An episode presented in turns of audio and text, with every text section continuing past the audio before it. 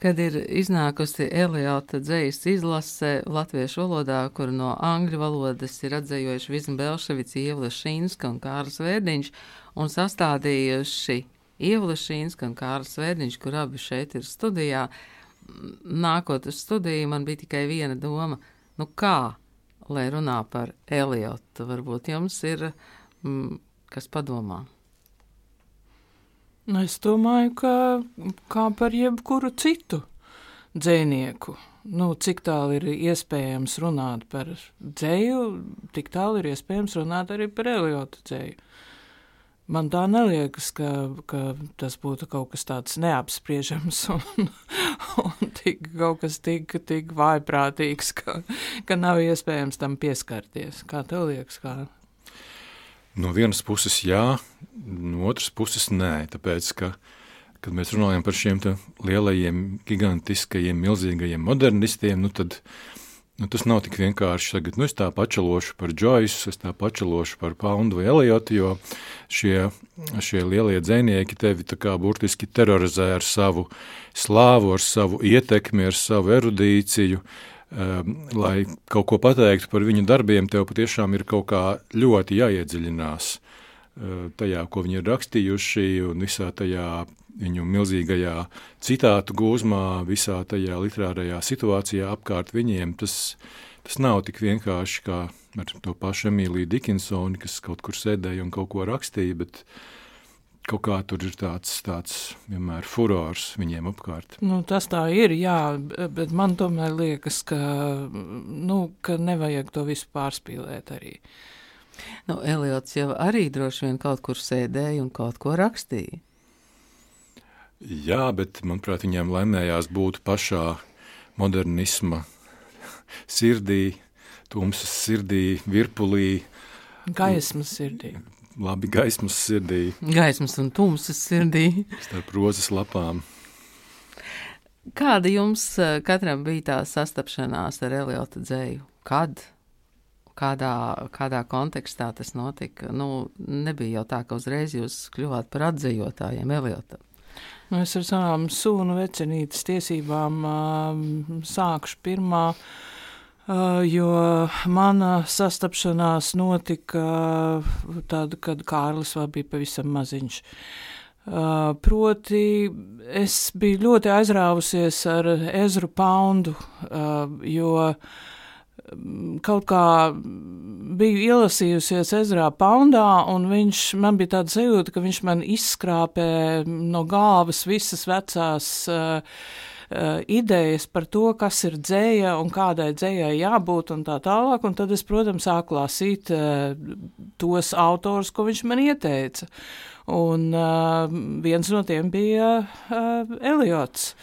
Un uh, tad uh, drīz vien pēc tam, vai, vai šī procesa visa ietveros, uh, es uh, vienreiz runāju ar uh, Juri Kronbergu, un viņš teica, uh, Bet uh, paklausies, nu, bet tu taču varētu atzējot uh, The Wasteland.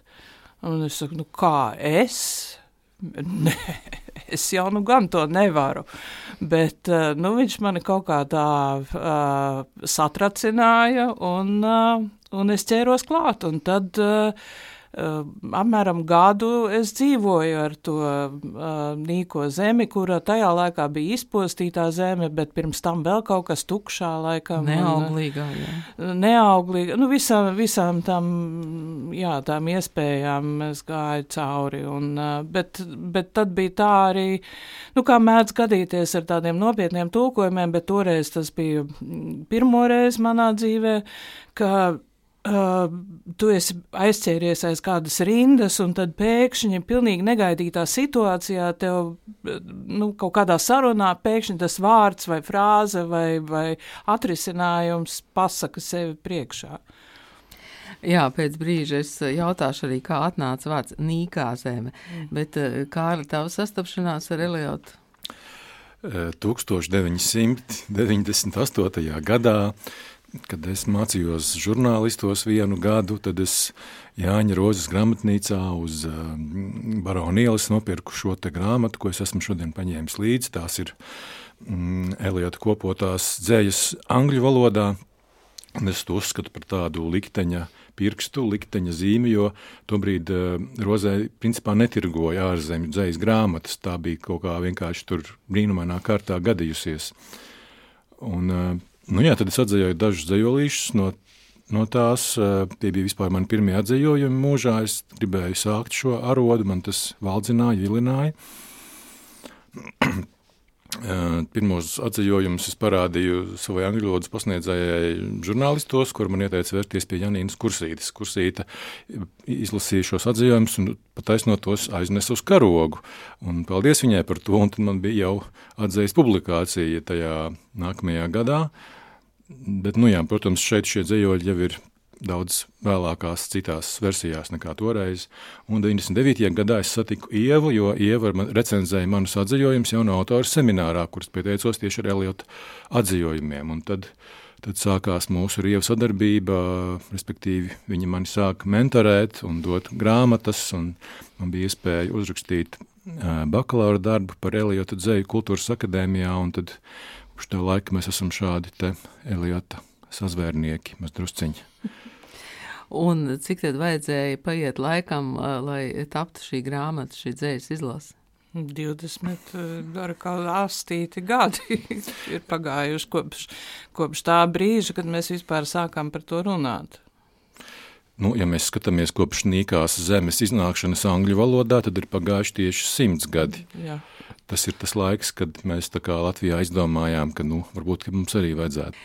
Nīkā zeme poēma, kas uh, droši vien ir tas um, populārākais Eliota darbs. Ieva, tas jautājums par to tulkojumu vai, vai to, kā atnāca tas vārds Nīkā zeme.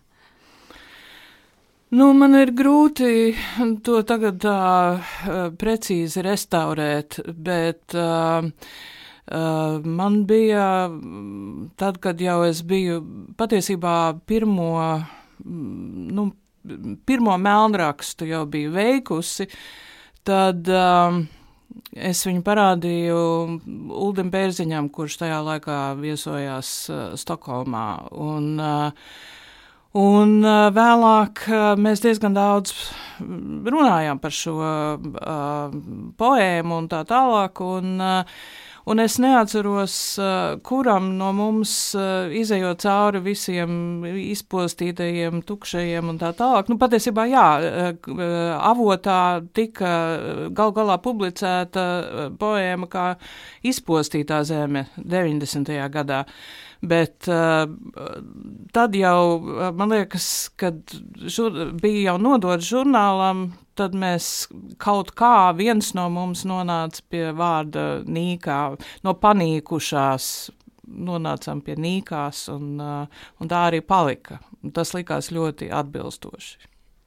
Jūs šeit pieminējāt publikācijas karogā, publikācijas avotā, tātad līdz šim latviešu valodā Eliots ir bijis tikai periodikā? Nu, patiesībā ir, ir periodika, ir antoloģijas, vispār jau ir diezgan daudz publikāciju. Pati pirmā Eliota dzējas publikācija latviešu valodā ir angļu dzējas antoloģijā 1940. gadā, kas iznāk īsi pirms padomju okupācijas. Jo angļu, angļu profesors Viljams Metjūs, kas strādāja Latvijas universitātē, bija Eliota cienītājs. Viņš ir publicējis arī to laiku rakstus par angļu un amerikāņu moderno dzēju, un viņš piespieda nabaga frici dziesmu mūsu līvzemes dzinieku, atzējot pirmo daļu no pelnu dienas un marinu. Un es vēlāk lasīju kaut kādos memoāros, ka tur īsti neviens nesaprata, ko tas Eliots tur savā dzējā runā, un neviens kā, nevarēja īsti paskaidrot Fricim, kā tur vajag kaut ko atzējot. Un šie atzējojumi nu, mūsdienās droši vien nav īsti pārdzīvojuši savu laiku. Uh, Jā, jo tomēr tas pārrāvums starp to Eliota modernismu un to Latvijas 30. gadu beigu dzīslu situāciju tomēr bija diezgan liels. Mēs, mēs šeit uz vietas nebijām tādi modernisti. Nu, jā, un tad eh, padomju okupācijas laikā Eliots nav pārāk iecienīts sākotnēji, bet nu, situācija sāk mainīties laikam tikai 70. gados, kad uh, parādās Esai dzējas sociālā funkcija, saīsinātā variantā, pēc tam 1980. gadā ir jau diezgan liela publikācija amerikāņu dzējas antoloģijā, kurā ir um, Ingūra Jakāša atzījumā Īsta Kaukera un Vismas Belševicas atzījumā Pelnu diena. Sav, savukārt trimdā Eliotu mīl, Elles ķēķa paudze, bet eh, publikācijas ir ļoti mazas, tādi nelieli dzējoļi vai nelielas dzējoļu daļas.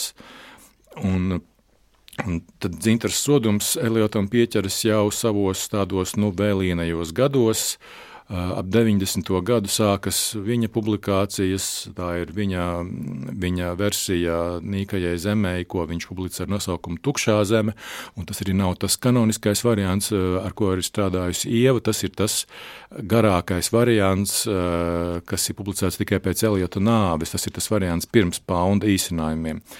Un e, soduma kopotajos rakstos 2005. gadā ir apkopoti visi viņa Eliota atzījumi, Tā ir diezgan apjomīga publikācija. Tur ir Prūfroka mīlas dziesma, tukšā viņa zeme, četri kvarteti, bet nu, tā nav nekad iznākusi kā atsevišķa grāmata ar Eliota vārdu uz vāka. Tas ir vienkārši sadaļa viena, vienā viņa biezā rakstu sējumā. Tāpat arī Jānis Krēsliņš senijos ir atzījis četrus kvartetus, Prufroka mīlas dziesmu un uh, šķiet vēl šo to, bet arī šie atzījumi ir tikai vienā viņa rakstu sējumā kopā ar viņa paša dzēju un citiem atzījumiem. Tā kā Eliots tādā neredzamā formātā te kaut kur ir parādījies šur un tur, bet šī ir pirmā latviešu grāmata ar viņa vārdu uz vāka. Gan lasot uh, ievas priekšvārdu, gan lasot uh, rakstu bibliogrāfiju beigās, un arī tagad klausoties, man ir tāda sajūta, ka mm, attiecībā uz Eliotu visu laiku tiek dotas tādas norādes uz eh, vēl kaut kādu citu literatūru un, eh, izplešas gan laikā, gan, eh, gan telpā. Sakiet, vai Eliota dzēju var lasīt, nu, neņemot vērā šos visus pētījumus, neņemot vērā visas tās daudzās piezīmes, vai, vai tas ir pilnīgi neiespējami? Nu, Nu, tur atkal atbilde ir gan jā, gan nē. Jo, nu, principā man šķiet, ka jebkuru dzējoli vajag varēt lasīt kā dzējoli. Un, uh, un principā es domāju, ka tas attiecas arī uz Eliotu. No otras puses, uh, tās atsauces ir svarīgas, jo nu, vispār jau tā ir tāda tradīcija, uh, it īpaši angļu dzējā, ka notiek saruna ar iepriekšējām paudzēm. Un, uh, un faktiski, uh, nu, respektīvi, uh, Uh, Eliots pats ir teicis, ka, ka jebkurš uh, mākslas darbs izmaina visus iepriekšējos, kas ir bijuši vai attiecas uz viņiem kaut kādā veidā. Nu, tad uh, viņam tas ir ļoti raksturīgi, protams. Un, uh, un tad, ja, ja seko šīm atsaucēm, tas, protams, ir ne tikai attiecas uz Eliotu, tas attiecas uz Poundu, tas attiecas uz Joyce un vēl veselu virkni. Eh, tad, tad eh, tie dzējoļi kļūst par tādiem vārtiem uz, eh, uz daudzām un dažādām pasaulēm. Un katrā ziņā, nu, es nezinu, vairo tās neironu sinapses galvā. Vismaz, kas attiecas uz dzēju un uz literatūras vēsturi un tā tālāk. Tā kā, ja, ja grib uh, iegūt vismaz kaut kādu priekšstatu par, par uh, angļu, amerikāņu dzējas vēsturi, tad uh, der lasīt tieši Eliotu. Kā jūs izvēlējāties, ko tad likt vienā dzējas izlasē vienos vākos? Mm Es nezinu, tas kaut kā tā vēsturiski ir izveidojies gadu gaitā, tā kā tāds stalaktīts. Ne, nu, tur man liekas, ir svarīgi tas, kad mēs sākām to darīt, jo Uh, patiesībā no Eliota mantojuma bija pieejams uh, nu, pārsvarā tieši tas, kas mums ir uh, šajos vākos.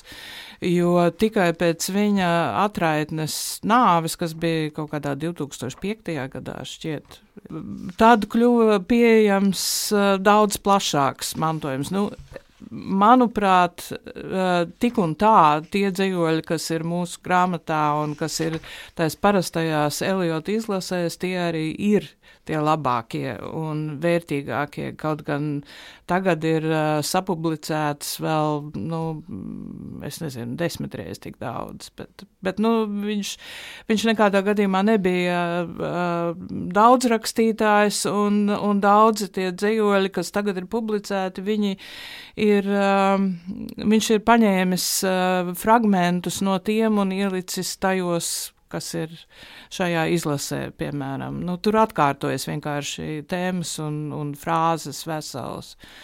Un tā tālāk. Un tad ir nerātnie dzīvoļi, ļoti, uh, varētu teikt, tāda literārā pornogrāfija, bet, nu, viņš nekad savā mūžā nebija, um, savu mūžu nebija uh, gribējis viņus publicēt, bet, nu, uh, Urķi uh, to izdara pēc uh, rakstnieka, dzēnieka nāves. Viņi paņem visu, uh, kas ir sarakstīts uz mazām lapiņām, teiksim, un, uh, un paņem un ieliek. Un tagad Sapāk, tas ir jā. arī publicēts. Nu, tagad tas ir publicēts, jā, ir, ir uh, vesela pētnieku komanda.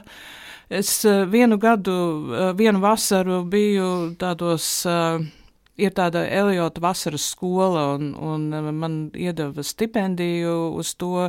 Patiesībā Eliota atraitne, atraitne tieši man iedeva šo stipendiju. Un, un tad es viņus visus tur satiku, bet ir, ir nu, kādi, es nezinu, desmit tie galvenie, un tad viņiem attiecīgie asistenti, kuri vā, ir savākuši kopā visas vēstules, kuras ir iznākušas.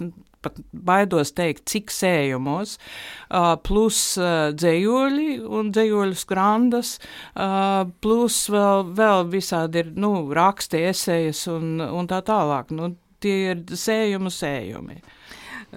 Kultūras rondo lasa.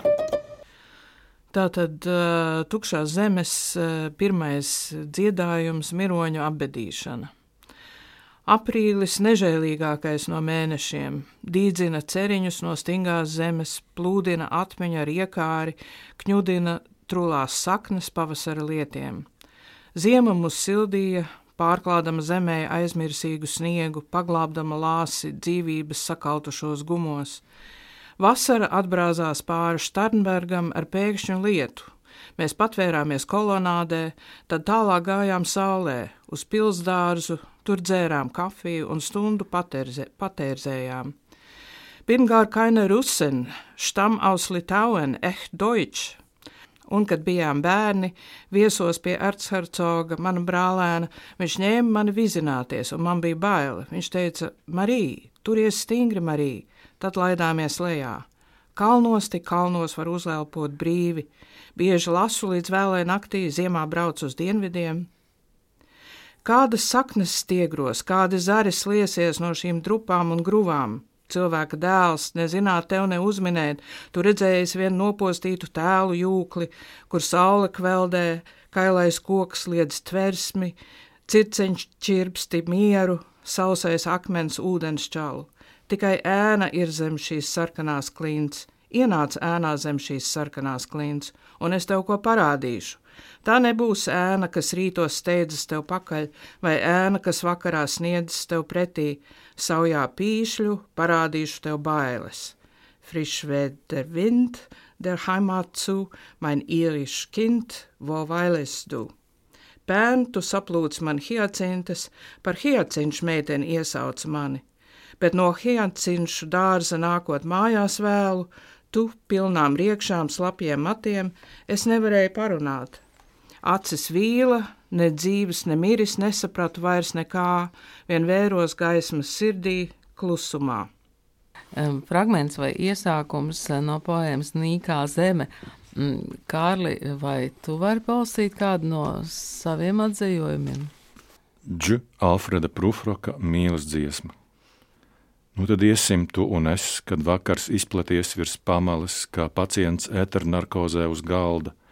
Tad iesim pa zināmām tuksnesīgām ielām, nemierīgo nakšu murdošām patvērtnēm lētās viena nakts viesnīcās un zāģu skaidu restorānos ar austerčaulām, ielas, kas seko kā garlaicīgs strīds, viltīgā nolūkā tevi aizvadīt līdz mulsinošam jautājumam.